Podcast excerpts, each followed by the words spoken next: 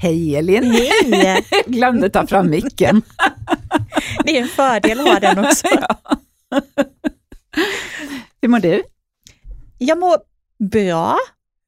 Lite är trött? tveksam. Jag är lite trött och sliten. Mm. Jag var på eh, DC Beauty Awards igår, en jättestor gala av tidningen DC Beauty, där de har eh, ja, men influencers som utser de bästa skönhetsprodukterna från föregående år. Och jag sitter i eh, juryn sen, ja, men sen början egentligen, så många år tillbaka. Så det var jättekul, snudd på lite för kul. Eh, och så idag är jag både trött men också lite lyrisk, för det är så himla härligt att träffa massa Mm. ja, men, fina människor. Ja men verkligen. För mig var det första året jag inte var där på Ja. sex år. Så det var lite konstigt. Mm. Men jag har sett de fina bilderna. Mm. Nästa år Ja, du nästa år är jag där. komma igen och Ja. dansa. Mm. Absolut. Men du, vi har fått lite frågor om hudvård och makeup nu när det slår om lite till vårväder. Mm. Det är många som frågar och undrar hur man ska tänka. Precis. Jag tycker ju att ja, men det absolut viktigaste, om man inte redan har börjat, så är det såklart solskydd. Absolut. Givetvis. Det är Givetvis. Eh, men jag tycker också sen att det är bra att tänka att man ska vara extra vaksam med att skräddarsy huden, för under våren så kan det skilja sig mycket från dag till dag. Mm. Ibland är det ju två plusgrader och ibland kan det vara 18. Ja men precis. Det tycker jag Eh, också, att man väljer ett lättare serum och en lättare kräm Precis. de varmare dagarna. Mm. Och sen tycker jag också att man ska tänka på att använda lättare makeup. För Mm. det finns inte speciellt roligt med ett pudrigt ansikte i vårsolen. Nej. Det ser lite tråkigt ut. Det ser lite tråkigt ut Mm. om man inte är en sån som älskar pudret. Då man Ja, men det är om man klart. Men själv skulle jag aldrig tänka Nej. mig att ha jättemycket puder på, på våren när solen är så skarp, för det syns ju så väl. Ja, men det gör det ju. Det det, syns mer då. ju, det, kan, det kan man ju ha på kvällen, men kanske Mm. att man tänker att man går till en lite lättare foundation. I Mm. alla fall gör jag det, alltid gjort det. Att man går till någon, någon CC cream eller någon... Jag har nog typ samma. Har jag är det? nog mer från dag till dag tror Mm. jag. Men nu är det så trendigt till eh, ja, men just det här året med lättare baser Mm, det är det. och lite mer så här, ja, men nästan lite silkeskonsistenser. Mm, precis, och likadant att rougen, vara- ja. att rougen är flytande och Väldigt mycket krämig Jag produkter. älskar en från Lumene som är en smal, smal tub. Eh, nu ska vi se om jag kommer ihåg vad den heter. Den heter så Natural Glow någonting. Det är som Oh, ett flytande la la. rouge i en, ser nästan ut som en liten penna fast det är liksom en smal, smal tub. Helt fantastiskt. Det blir perfekt. Det ser liksom bara lite, lite rosigt ut. Ja, Inte skiriga dammigt, inte produkter och- och- pudrigt. Inte, inte för, liksom, inte massa glitter i det eller Nej. någonting sånt, utan det ser bara friskt och sunt ut. Så Ja, den är min är nya härligt. vårfavorit. Ja, och rougen fortsätter ju att trenda. Ja. Och jag tycker att man kan tänka att när man ska lägga rouge, ibland är det lite svårt att veta var någonstans man ska lägga den. Jag tycker man ska undvika att ha den för stort, utan det är bättre att använda en lite mindre pensel och så man har lite mer precision Mm. och så man har kontroll över var det hamnar. Men om du har flytande rouge, lägger du på med pensel då? Lite olika, oftast tar jag fingertopparna, Mm, det gör jag också. Alltid för då faktiskt. smälter det in bättre också tycker jag. tycker jag också. Och sen så tycker jag, nu har det ju varit en jättetrend det här med att man ska ha rouge på, på ja men för det första liksom halva, eller hela kinderna och sen Mm. så över näsan också. Ja. För mig blir det lite för mycket C-figur. Ja, lite faktiskt. Eh, blandat med ett ämne vi ska prata om jättemycket senare idag, Mm. rosacea Ja, men precis. faktiskt. Nej, men näsan kan ju liksom bli röd ändå av Mm. kyla eller värme eller någonting sånt. Gud ja. Men det var väl det som var lite trendigt i vintras, att det skulle vara lite så här Frostigt. frostig Mm. makeup. Ja, nej, men mitt tips är i alla fall lite lättare serum, lite lättare kräm, solskydd som du sa såklart. Mm. Och så makeup kanske lite mindre täckande. Ja, och jag tänker också just det här, som jag nämnde snabbt tidigare, att skräddarsy för att det är ju jättebra. Jag, tycker att man ska stuva undan sina kanske för tjocka vinterkrämer och så på våren, men tidig vår så kan du hoppa tillbaka så mycket ännu. Ja. Så lägg tillbaka allting. Nej, och sen kan man ju ha det nattetid. Mm, Så huden, huden får chans att återhämta sig lite då. precis, det Det jättebra. är ju aldrig fel. Nej. Ja, har vi svarat på den frågan nu? Jag tror Kommer vi det. på någonting annat? Nej, men det är nog mina bästa tips för våren. Mm. Använder du lika högt, använder du SPF 50 direkt liksom nu när våren kommer, eller hur, hur jag kör tänker du? 30 eller 50. Mm. Jag har Något nog av det. 30, 30 på- när det är lite så här väldigt tidig vår. Mm. Eh, och sen så när det går in i juni, Mm. då går jag över till 50 för då, då liksom tar ju solen på ett annat sätt. Ja, den tar ju mer, samtidigt är ju huden ännu känsligare nu innan Ja. den har fått något Mm. motstånd alls. Men och, jag, jag tycker det är så fiffigt med min klocka, att jag ser UV-strålningen på min Men vad smart. Ja, det kan man ju naturligtvis välja, men, men på min Apple Watch så ser jag, liksom, kan jag ställa in så jag ser UV-strålningen den dagen. Så du kan bara säga, ja, men nu är det dags. Ja, Nu kör vi lite. Mm. och när man pratar. UV-strålning så har vi faktiskt ett helt kapitel i vår bok om just där vi Precis. ger tips och råd Mm. om vad man ska tänka på de Solens olika årstiderna. strålar. Ja, Mm.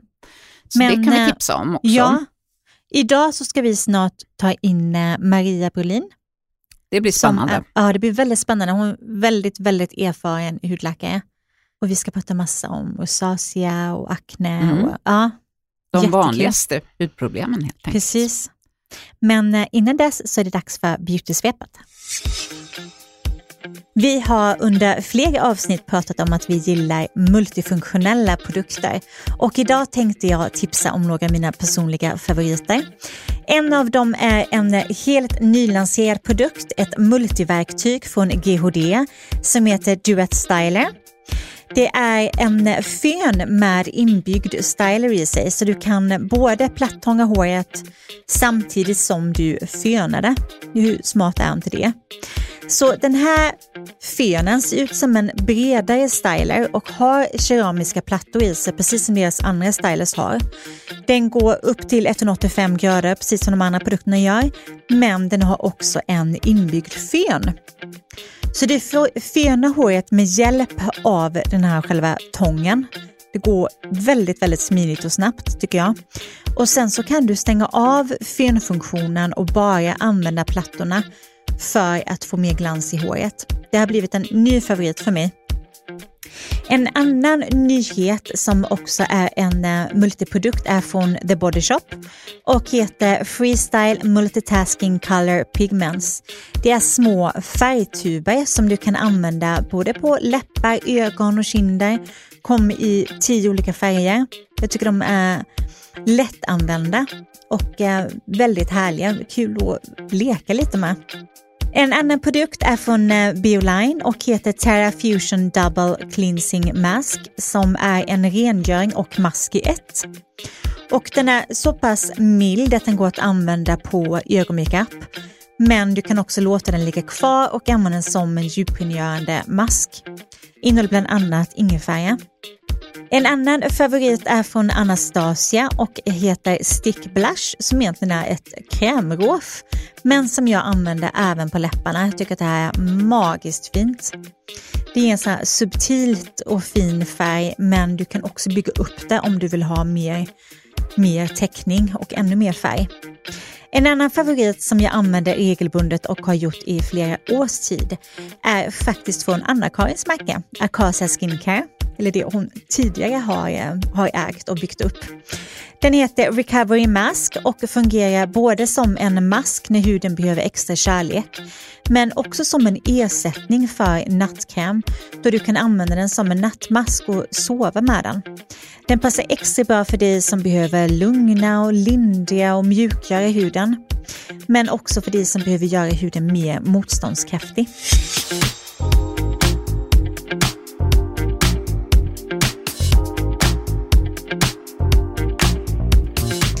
En hudläkare med både lång och bred erfarenhet inom diagnostik och behandling av olika hudsjukdomar, hudkirurgi och estetisk dermatologi.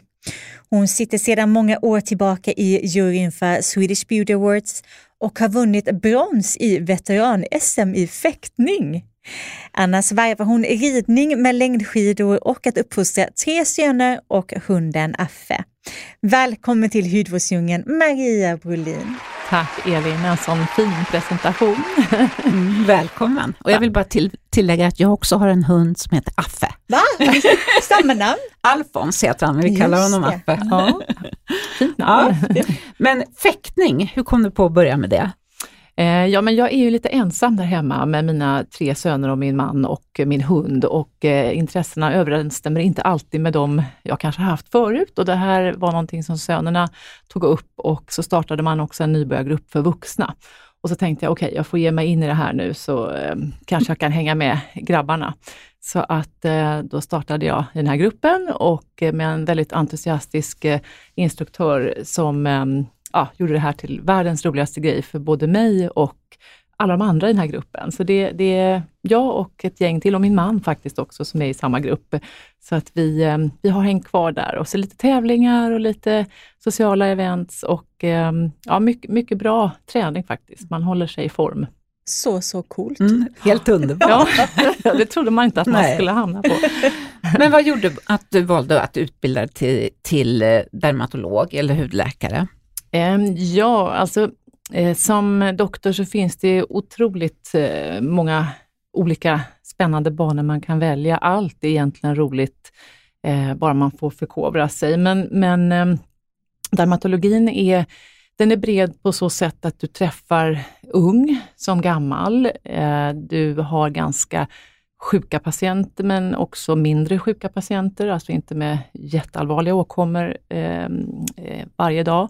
Du har eh, många inriktningar såsom eh, medicinsk inriktning, kirurgisk inriktning, estetisk inriktning. Så det, det är en väldigt bred specialitet på det sättet. Men vilka är de vanligaste åkommorna som eh, dina patienter söker för? Jag skulle säga att ehm, det är ju eh, frågeställning, alltså hudcancer och förstadiet till hudcancer som är det vanligaste. Mm. Tätt följt av kanske akne och eksem och psoriasis, rosacea. Ja. Nej, jag, drev, jag drev ju en hudvårdssalong i 30 års tid ungefär och då var den vanligaste hudsjukdomen som jag och mina anställda såg på den salongen i alla fall rosacea, Mhm. kan jag tycka. Och eh, alltså, vad kan man göra åt rosacea om, du, om man säger till lyssnarna nu? För det är ju många som undrar dels om de har det och hur det ser ut och vad man kan göra åt det. Ja, alltså rosacea det är ju en eh, väldigt vanlig åkomma i befolkningen och eh, vanligast egentligen eh, lite senare i livet, alltså 30-40-årsåldern och eh, vanligare hos kvinnor. Eh, kan te sig på lite olika sätt. Eh, mer som en rodnad kan det vara, ytliga blodkärl, eh, men det kan också vara som en akneliknande bild med, alltså som visar i papler och pustler, alltså som små plitor och utslag, eh, nästan som vätskefyllda blåsor ibland, eller barfyllda blåsor. Och ehm, eh, man vet ju inte riktigt orsaken till rosacea. Någon form av påverkan på de ytliga blodkärlen i, i ansiktshuden, en inflammatorisk påverkan som vi inte riktigt vet varför den dyker upp. Kan det vara så att östrogenet styr lite grann, att det kommer lite när man närmar sig kanske för klimakteriet? Ehm, Det finns väl kanske inte några väldigt starka belägg, men man, man kan ju börja fundera förstås, för Mm. att det är ju 30-40-årsåldern Mm, eh, hos kvinnor, men, men mig veterligen så är det inga, inga starka bevis för det, i dagsläget i alla fall. Nej. För män kan ju också få det här i Mm. ganska stor grad, även om det är Mm. vanligare hos kvinnor. Just det. Och vad man kan göra? Ja, eh, det är ju, orsaken som sagt är okänd, men det finns ett antal triggerfaktorer som man då kan försöka undvika om man tycker sig ha den här hudtypen eller känsligheten. Och, eh, ehm, det kan ju vara allt ifrån att man blir försämrad av eh, stark mat eller eh, varma drycker, Eh, ibland också temperaturskillnader. Det kan vara kylig luft om man åker skidor eller varm luft om man bastar. Att man kanske undviker de faktur, faktorerna som kan försämra. Ja. Rödvin. Mm. Ja, Mm. också. Men hur vet man om man har rosacea eller om man bara liksom har en tunn hud med ytliga kärl? Ja, det är en bra fråga. Ehm, för att eh, mycket kommer ju också med hudens naturliga åldrande och solexponering. Då får man ju faktiskt eh, också ytliga blodkärl och en tunnare hud. Så Mm. att eh, det, det är inte säkert att det är självklart för hudläkaren heller, men, men jag tänker att ofta så finns det mm, kanske att, att det är ett varierande förlopp och att det ibland också kommer utslag och pliter. Det är inte bara några enstaka kärl och lite rodnad, utan det är mer på något sätt, åtminstone i perioder av och till. Och så sitter det väl lite karaktäristiskt på vissa ställen, över kind och näsa och, lite på hakan kan det vara också. Precis, eh, ofta centralt i ansiktet, mm. precis som du säger. Men sen finns det också rosatia som sätter sig i ögonområdet. Precis. Kan du berätta lite om det och hur det ter sig? Precis. Eh, det är säkert så att det är mer underdiagnostiserat mm. faktiskt och det är ju faktiskt eh, ögonläkarna som ehm, handlägger det. Men det är mycket vanligare än vad man tror och det kan ju yttra sig som lite torrhetskänsla, skavkänsla och kan också bli olika typer av inflammationer på ögat. Mm. Det är alldeles riktigt. Mm. Vilka är det som tenderar att få rosacea tycker du? Är det genetiskt betingat eller? Eh, det är inte någon stark genetisk eh, koppling, men eh, som sagt då, kvinnor är ju överrepresenterade och oftast över 30 år, kanske närmare 40 år eller därutöver. Um, oftare en ljus hudtyp mm. och uh, man tror sig nog se en koppling till solexponering, att det här kan ha med en, en genom tiderna så att säga, en solexponerad hud att göra. Ja. Mm. Som med allt. Som med allt, ja. ja. Men när tycker du att, att det är läge att söka läkarhjälp om man tror att man har rosatia? Ja, man har försökt undvika de här triggerfaktorerna och det inte hjälper och man kanske har provat att eh, eh, känna sig för med, med viss hudvård. Faktum är att viss hudvård kan ju också vara försämrande mm. när man har rosacea. Mm. Så att mm. om man har försökt att justera det här själv och man inte kommer någon vart, så att säga, då, då tycker jag att man ska söka läkarhjälp. Då kan man ju börja med att gå till sin eh, vårdcentral till exempel. Och mycket kan man ju få hjälp med där och om de inte vet vidare så kan man ju få en remiss till en hudläkare. Ja precis, om man inte tycker att man får rätt hjälp. Mm. Men, men jag tänker precis när du säger det här med att viss hudvård kan aktivera rosatian eller sätta fart på den och få den mer aktiv, då tänker du då på viss typ av peeling eller AHA-syra och sådana saker, parfymerade produkter eller? Ja, i första hand alltså aktiv hudvård skulle ja. jag säga mm. och sen parfymerad hudvård. I viss mån kanske också väldigt feta produkter. Eh, men jag tycker nog att det är väldigt individuellt.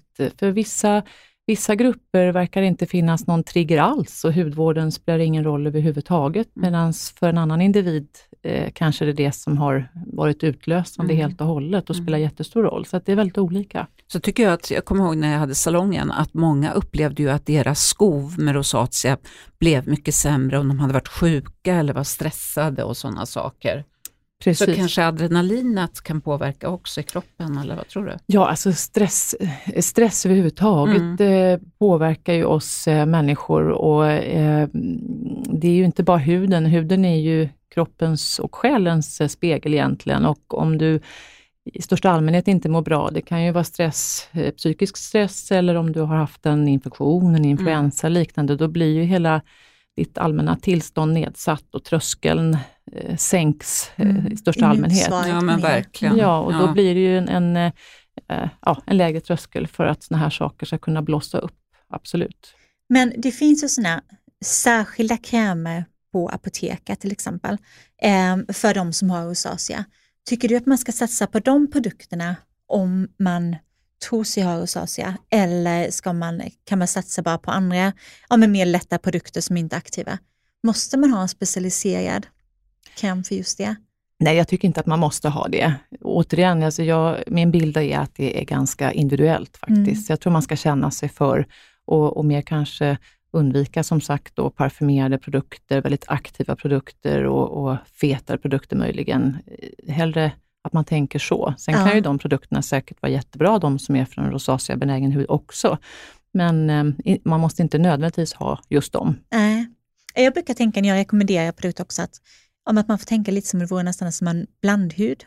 Mm. Så länge man inte är superdupertorr. Mm. Just för att man får en lite lättare kräm då och sen undvika det med, ja, med retinoider och syror. Och, Precis. vitamin C. Och... Mm. Mm. Men vad häftigt då att en del inte blir, eller häftigt, intressant, att en del inte påverkas av hudvården alls. Mm. Vad de berättar i alla fall. Ja. Det kan vara svårt kanske att härleda som patient Mm. också vad som är vad och man kanske har lagt väldigt mycket pengar i någon viss eh, produkt och kanske man inte heller vill att det ska Mm. vara den. Men, men, ehm, men, men så kan det absolut vara och jag får, ibland får jag inte fram någon annan koppling heller till eh, ja, stark mat eller eh, temperaturer heller. Så att det, det kan vara att det lever sitt eget liv. Ja.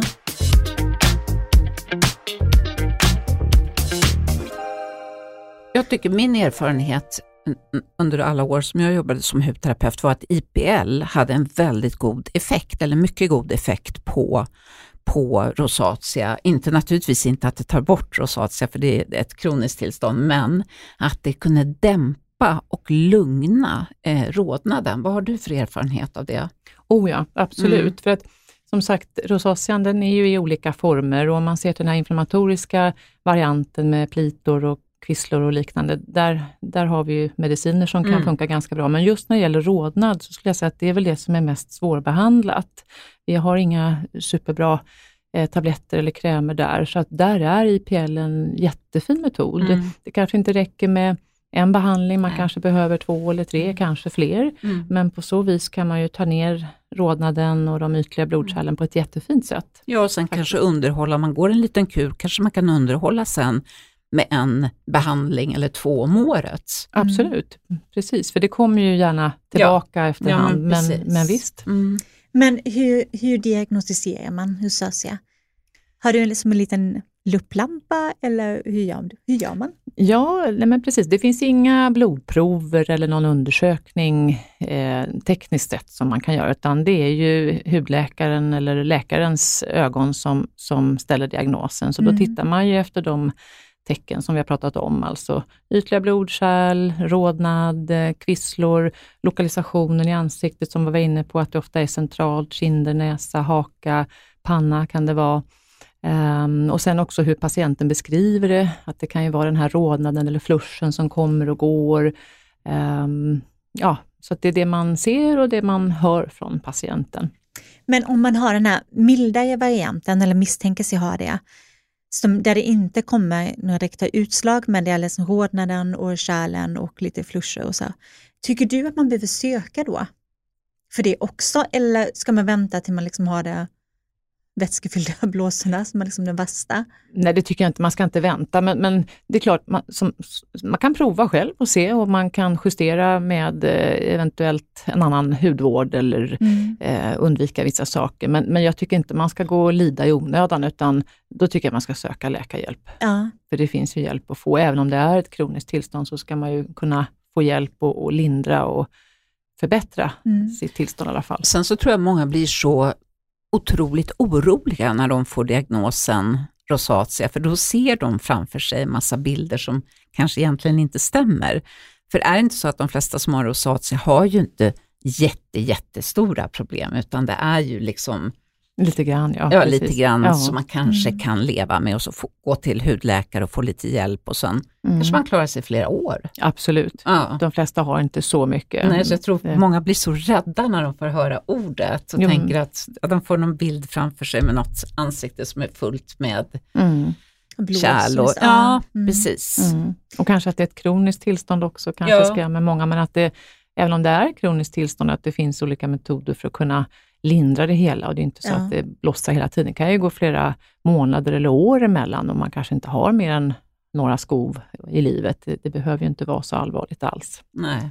Men är det, Det är de skönt. mest allvarliga fallen som får äta medicin eller hur allvarligt behöver det gå eller vara för att man ska behöva äta det? Eh, nej, alltså egentligen om man har provat de, eh, de enklare eh, behandlingarna eller enklare metoderna, som sagt då dels på egen hand eller eh, olika krämer. En del krämer finns ju faktiskt receptfritt. Eh, om man har testat det och det faktiskt inte fungerar, då kan man ju vara en kandidat för tablettbehandling till Mm. exempel, utan att det behöver vara jätteallvarligt eller väldigt mycket rosacea. Men det är den typen av behandling som finns?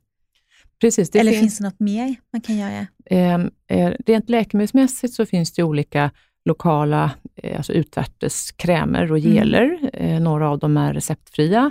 Och sen finns det då som ett nästa steg eh, tablettbehandling, antibiotika.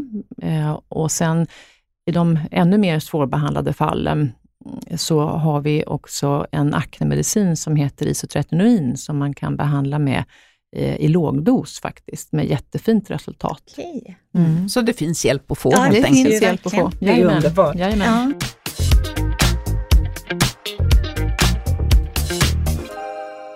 Det här avsnittet av Hudvårdsdjungeln är sponsrat av SHR, Sveriges hudterapeuters riksorganisation, som är en kvalitetsstämpel för välutbildade hudterapeuter.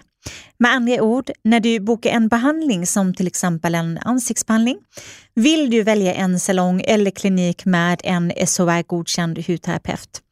För det innebär att de har en godkänd yrkesutbildning, följer etiska regler och har en behandlingsskadeförsäkring, vilket är en stor trygghet för dig som kund. Och det är inte säkert att andra hudterapeuter har det. SHR examinerar hudterapeuter och utfärdar även gesällbrev och mästarbrev som är en än större kvalitetssäkring. På hemsidan shr.nu så kan du se vilka hudterapeuter nära dig som är godkända och auktoriserade. För stötta din lokala hudvårdsexpert. Givetvis är både jag och Anna-Karin medlemmar i SHR sedan länge.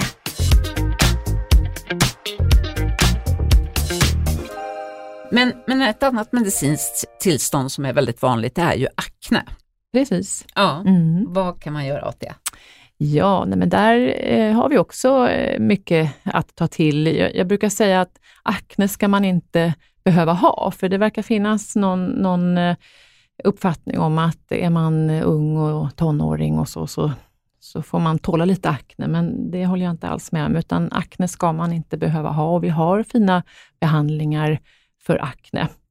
Även där kan man ju prova lite försiktigt på egen hand, men heller inte vänta för länge, tycker jag, utan eh, har man besvär att man söker läkare och, och får hjälp där. Där har vi Mm. också både utvärtes krämer och geler och eh, tabletter på samma Mm. sätt. Och sen är det väl så att har man en melaninrik hud så är det kanske ännu viktigare att söka hudläkare snabbt om man upplever att man har akne så att det inte blir tråkiga märken Är det, efteråt. ja. Absolut, Ja. precis. Pigmenteringen. Ja, Mm. pigmenteringar och ärr, precis. Mm. Men det finns ju olika typer av akne. Vilken är den vanligaste?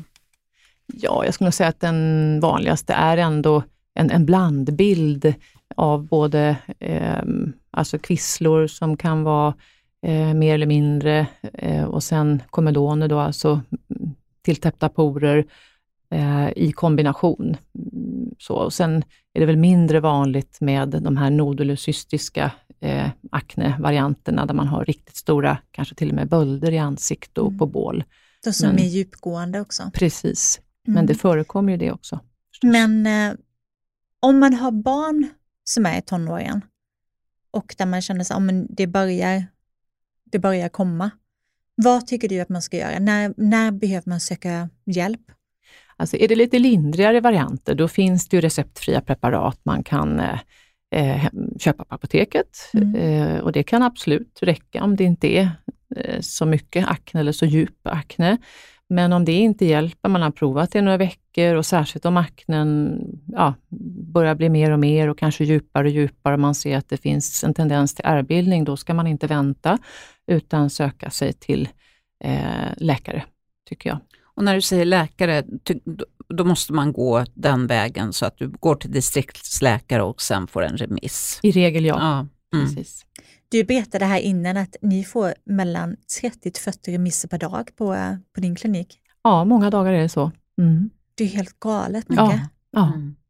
Och då förstår man behovet Ja, av hudläkare. verkligen. Och då tänker, nu kommer jag bara på en sak, att när jag började jobba som hudterapeut, det är 40 år sedan nu, då var det inte så många hudläkare i Stockholm. Man visste liksom namnet på dem man skickade sina kunder till. Mm. Men idag är det ju många fler hudläkare. Men det känns ändå som att väntetiden är fortfarande lång för att, att nå en expert inom hud. ja, tyvärr är det så. Mm. Och ändå har vi ganska bra här i Region Stockholm. eh, Är det så? Ja, Mm. jämfört med många andra delar av Sverige, tyvärr. Mm. Men om man då om man tänker att det är lyssnare nu ute i landet som bor jättelångt från en hudläkare, kan de få hjälp av er eller på någon annan klinik via nätet? Säg att man har 20 mil till en hudläkare kanske? Eh, nu har jag inte eh, total koll på Nej. alla eh, Nej. aktörer, men, men det finns ju digital sjukvård att Mm. få hjälp. Jag tror att Ja. de sköter en hel del av den här typen av åkommor. Så det, det kan man absolut se sig om Mm, efter. jag tänker om man har jättelångt till att få hjälp. Ja, så att men sen återigen, alltså vårdcentralerna kan hantera mycket av de här besvären. Mm. Och ehm, det är också sannolikt så att en del av dem i glesbygd har digitala kontakter i sin tur med Just det. inom Just sin det. region. Ja. Så, Så, att de kan vara. få hjälp så. Ja, det skulle ja, jag men tro. det är ju betryggande. Och sen, och sen så, så kan man ju också, om man eh, nu misslyckas med det här, att man också kan resa och få bedömningar i andra städer om man inte har. Möjlighet i sin hemregion, så kan man få en remiss till, till en annan region. Det är ju också jättebra att Mm. veta. Ja, men det är super. Ja, det tror jag inte Mm. alla vet. Men en annan fråga om akne som vi får ganska ofta, det är ju vuxenakne. Kan inte du berätta lite om det? Också vanligt, mycket vanligare än vad man tror. Ehm, Jag tror att man brukar säga närmare 5% av eh, alla vuxna eh, runt 40 år eller över 40 år som, som har eh, vuxenakne. Så att jag ser ganska mycket av det faktiskt. Har det med förklimakteriet att göra eller vad, vad beror det på oftast? Nej, det är både män och kvinnor. Eh, Jag tror inte att man riktigt vet vad det beror på. Det är nog olika individer och känsligheter Mm. snarare än någonting annat. Det finns ju även vuxna människor som hela livet har akneutslag på ryggen och ner på skinkorna och sådana Mm. saker. Räknas det också då som vuxenakne? Det kan det ju göra, men det, det kan ju också röra sig om eh, alltså follikuliter, det vill säga hårsäcksinflammationer kan man ju ha i den regionen Mm. också. Så att det, det bör man väl också kanske söka för Ja. att då få någon som Ja, bedömer. för det kan väl vara väldigt smärtsamt vad jag har förstått. Ja, det kan det ju. Mm. Och, och vissa av de varianterna är också ganska lättbehandlade, så att det kanske inte är en äkta akne. Då kanske man kan få ganska enkelt bukt med det och är det en akne så får man få hjälp Mm. med det. Så att, Mm. Ja, skönt. Alltså jag har ett tips. Ehm, Just när det kommer till ja, mildare akne eller liksom akneproblematik på ryggen som inte är så jättedjupgående. Men det är att det ganska ofta finns en förklaring i att vi sköljer ur balsamet från håret, Mm. men vi sköljer inte bort det från ryggen. Sen ligger det där och gottar till sig lite och har man då redan problem så kan det Mm. ja, men bli lite värre.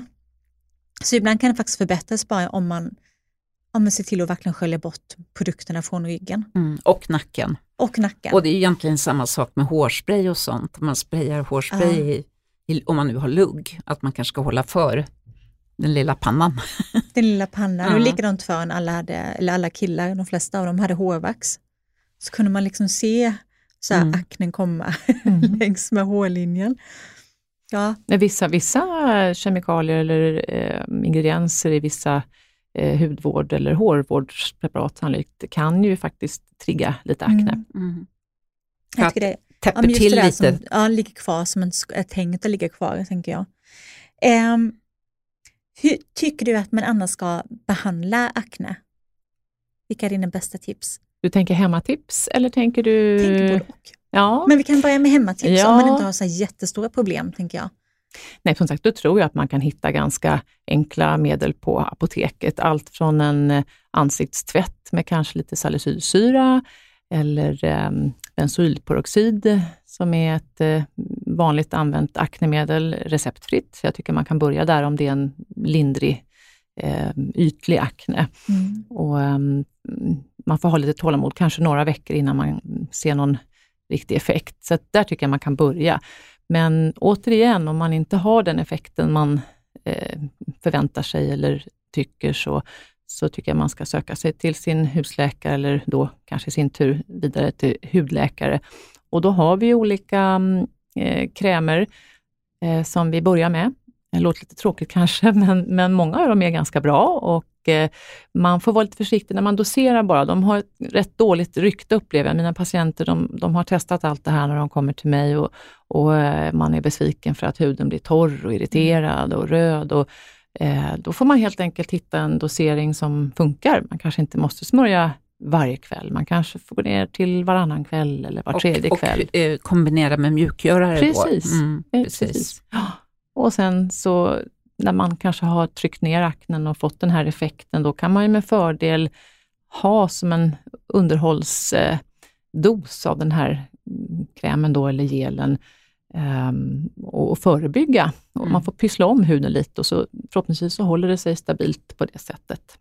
Och gör det inte det, ja då får man fundera över tablettbehandling. Och återigen, där har vi ju antibiotika eller isotretinoinen som är jättefina behandlingar. Och när du säger den här iso, Tretinoin, är, det, är det Roacutan då? Eller? Exakt, Ja, det hette Roacutan förut, Ja, det, det heter. Ja, det isotretinoin. jag. har Mm, men det är samma det är samma. typ av...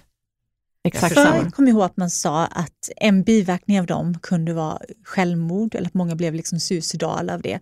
Och det känns som att det var ett rykte som ja, men sätter ganska hårda märken på den medicinen, så många blev väldigt rädda för att ta den. Mm. Hur skulle du eh, förklara det idag? Mm. Ja, alltså med, den medicinen har ett eh, lite skamfilat eh, rykte, så, eh, dels av den anledningen som du nämner och, och där eh, finns det ju viss data som talar för att eh, alltså man har kunnat se en viss koppling till eh, en depressiv eh, tendens hos, Mm. hos de som äter medicinen och, och kanske till och med ett suicidalt beteende. Men det är inte helt lätt att bekräfta den typen av eh, data för att när du har en akne, man har ju sett i olika studier och, och eh, alltså livskvalitetsmätningar och så, att de som har en akne mår ju också otroligt dåligt Ja. för att de har sin akne. Mm. Att man... ehm, eh, Att det är, svårt att se var det Ja. börjar och vad det är som orsaken. Precis, så där, därför har man inte riktigt kunnat fastlägga att, att det här sambandet verkligen är helt sant och helt Mm. be- befäst. Men det är klart att jag som förskrivande doktor, jag förhör mig om det finns eh, en sån läggning hos individen, att man är försiktig med de som kanske har haft eh, sån här problematik, absolut. Mm. Så, sen så, det som också gör att medicinen har eh, fått lite dåligt rykte är att man eh, bör ha alltså preventivmedel om man är kvinna, för att, för att om man skulle bli gravid så är det förknippat med risk för väldigt grava fostermissbildningar. Mm. Men, men eh, trots det, så, så om man gör allt rätt och, och det är rätt personer som erhåller den här medicinen, så, så är det en väldigt bra medicin. Mm. Den ger fina resultat på de allra flesta.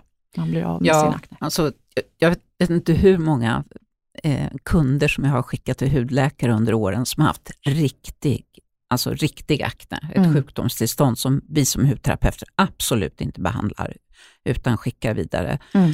och som då har fått den här starka medicinen eh, och ätit i en kur och eh, det har ju blivit så fint. Ja, Vissa av dem vet jag fick fortsätta med liksom trappa ner och sen under flera år åt en väldigt, väldigt låg dos. precis. Eh, och det Mm. funkade hur fint som helst, till och med porerna Mm. liksom Ja. blev förminskade. Ja. Så Ja. de var ju helt överlyckliga. Ja, såklart, vad Ja. häftigt. Mm. För det är ju, äntligen har ju det här kommit upp mer till ytan med ja, men akne, akne och eh, ja, men livskvalitet. Det känns som att man allmänt har börjat prata mer om det. Mm. Och jag tycker det är så fint det du sa att man, att man inte behöver ha akne. Mm. Det ska man inte behöva ha. Ja, det tror jag är jätteskönt för Mm. många att höra. Mm. Att Det är faktiskt förknippat finns med så mycket myter och Ja, det liksom är det. fördomar.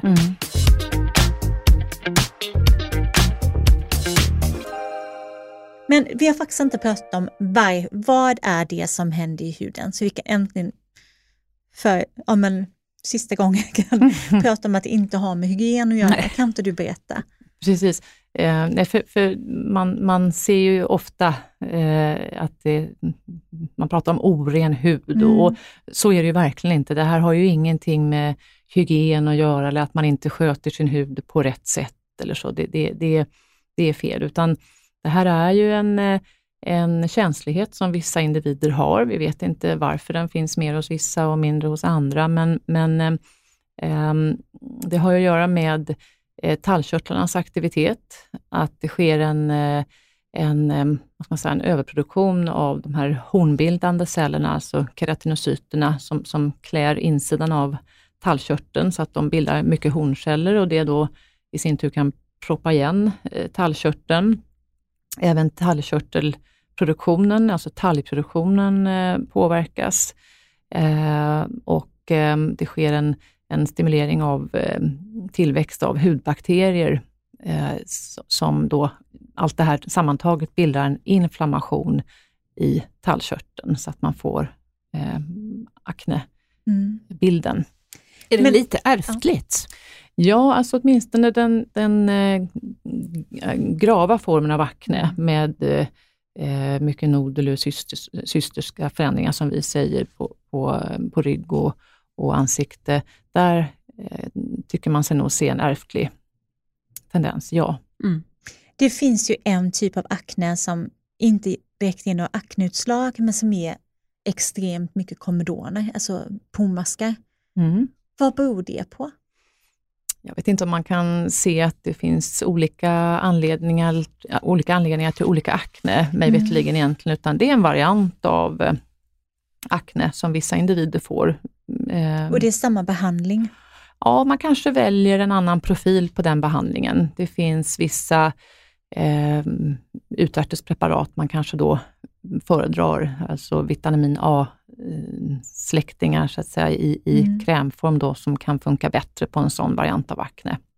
Så häftigt att det finns så mycket att göra åt det. Mm. Och då måste jag fråga, när du säger de här A-vitaminkrämerna, är det då samma förhållningsorder där, att det är en kontraindikation eh, att bli gravid medan man använder de krämerna. Kan det också påverka?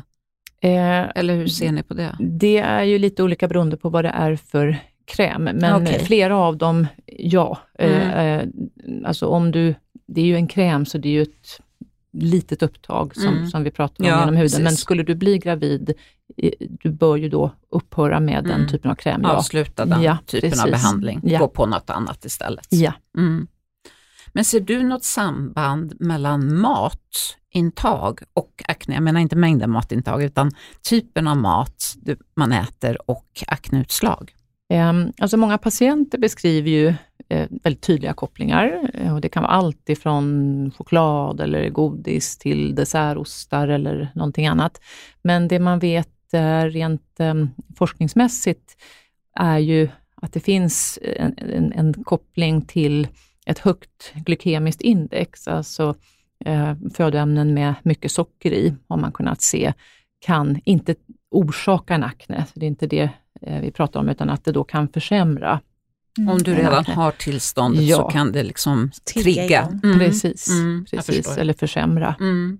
Så det är väl det vi egentligen vet. Mm. Eh, och då är Hur är det med sol då? Ja, sol, UV-strålning eh, i regel brukar jag ju varna för det och det gör jag väl i största allmänhet även när det gäller akne. Men, mm. men, men UV-strålningen har ju faktiskt en antiinflammatorisk effekt på vår hud oavsett vad man har för åkomma. Om man har akne så brukar det förbättra aknen faktiskt just för att det blir en antiinflammatorisk effekt. Mm.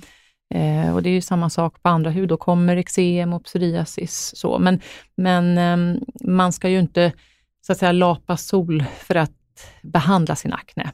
Men ehm, ja, man blir nog bättre sommartid brukar de flesta bli. Ja. Många akne, akne kunder, om vi säger så, från vår sida, sett som hudterapeuter, upplever ju att deras akne försämras av solkrämer. Hur tycker du man ska se på det?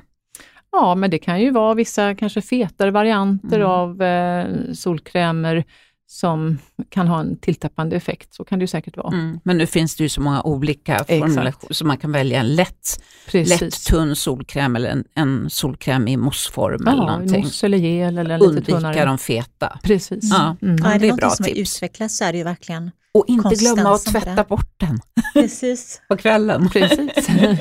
Men ser du någon eh, spännande forskning på gång? Finns det någonting som du tror komma skall, någon ny behandling eller några nya rön eller är någonting på gång? Ja, det önskade man ju, eller ja. hur? Men mm. Um, nej, alltså de här medicinerna som vi har pratat om nu, de har vi haft i ganska många år, ska jag mm. säga. Eh, så att så länge jag har varit med, och det är nu mer än 20 år, så har det nog inte hänt så mycket där faktiskt, tyvärr. Eh, det kommer lite nya varianter i, i eh, lokalbehandlingar och, och olika beredningar och styrkor och så kanske. Men eh, nej, vi får väl hoppas Ja. att det kom något revolutionerande. Ja, men det hade ju varit underbart och just kanske ännu mer förebyggande behandling också. Precis. Jag Mm. tänker på en annan sak, om man nu haft oturen att man har haft en lite mer djupgående akne eh, eller om man råkar ha klämt på sin akne, vilket vi vet att man absolut inte ska göra. Men om det har hänt någonting sånt som har gjort att det har uppstått små ärr i huden. Vad tycker du, finns det någonting som, som kan hjälpa att få hudytan lite slätare? Jo, absolut. Men, men för det första ska man komma ihåg att huden har en, en bra egen läkningsförmåga. Så att har man eh, behandlats för en akne och eh, man har lite ärr man är ledsen för och kanske orolig för, att man har lite is i magen och väntar in hudens egen förmåga och, och reparera det här, för den är ganska god. Många gånger kan det ju hamna om, handla om en, en, eh, som vi säger, en postinflammatorisk hyperpigmentering, till helt enkelt ytliga märken i huden och det brukar huden vara väldigt duktig på att bleka av av sig själv med tiden. Och Sen kan man ju ha då lite mer gropiga ärr och även där kan huden laga mycket på egen hand. Men om det har gått, man kanske ska vänta något, något år eller så, och särskilt om man har haft en starkare isotretinoinbehandling så ska man vänta åtminstone ett halvår, ett år efter avslutad eh, eh, behandling. Då kan man ju faktiskt prova eh, i så fall behandlingar i form av eh, microneedling eller olika typer av laserbehandlingar. Ehm, så det, det finns Mm. att få. Ska vi förklara då för lyssnarna varför man ska vänta när man har ätit de här starka tabletterna? För det finns ju en anledning. Ja, men det gör det ju. Eh, Isotretinoinbehandlingen, den har ju en väldigt uttorkande effekt. Den har ju eh, egentligen som uppgift att ta ner tallkörtlarnas aktivitet och tallkörtlarna ska ju återfukta huden och, och då blir ju, om vi då bromsar det förloppet, så blir ju huden torr och skör och lite tunnare. Och det kan ta flera månader eller upp till ett halvår innan det här har återhämtat sig. Och av den anledningen så ska man undvika eh, olika typer av behandlingar som kan irritera huden eller skada huden. Tycker du då även att man ska undvika till exempel att vaxa benen och sådana saker också? För det är ju också en sak när man lägger på vaxet och sen rycker bort det.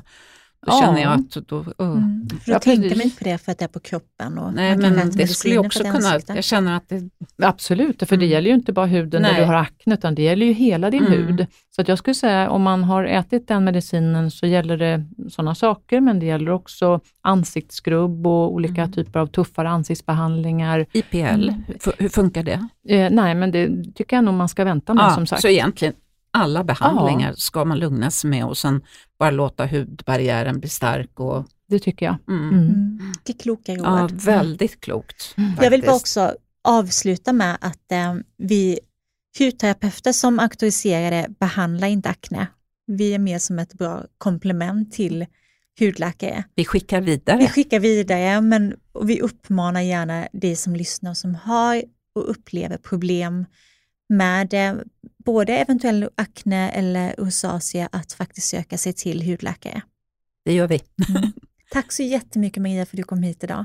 Tack. Supertrevligt. Tack för att jag fick komma. Stort tack. Tack.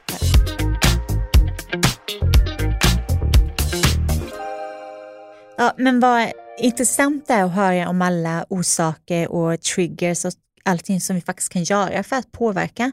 Ja men verkligen och framför allt att om man får eh, dels en akne som man tycker är jobbig Mm. och som inte ger sig med receptfria läkemedel och även rosacea om man inte får det under kontroll själv, att sök hjälp. Det Ja. det, jag tycker det är verkligen det viktigaste budskapet med det här. Vi Verkligen, fick så det mycket, finns hjälp att få. Ja, men det gör ju det. Och så får man börja på vårdcentralen och sen om inte man får hjälp där så får man be om en remiss till en, en Mm. specialist helt enkelt, en hudläkare. Jag tror ju alltid att specialister är bäst. Ja, men äh, det tror jag också. Men eftersom nu det krävs igen Ja. remissen några år tillbaka. Men det kan vara värt att tjata lite, tänker jag, Ja, för att få den här remissen. Absolut, ja, och definitivt. Och inte ge upp, utan hjälp finns att få. Det gäller att hamna hos rätt person Mm. bara. Precis. Så- Jättebra. Ja. Och med det sagt så eh, hoppas vi att du också tycker det var intressant avsnitt och eh, väljer att börja följa oss, prenumerera på vår podd om du inte redan gör det. Precis, och sprid gärna till dina vänner om de är intresserade av hudvård. Verkligen. Ha nu en fin vecka så länge. Hej då! Hej hej!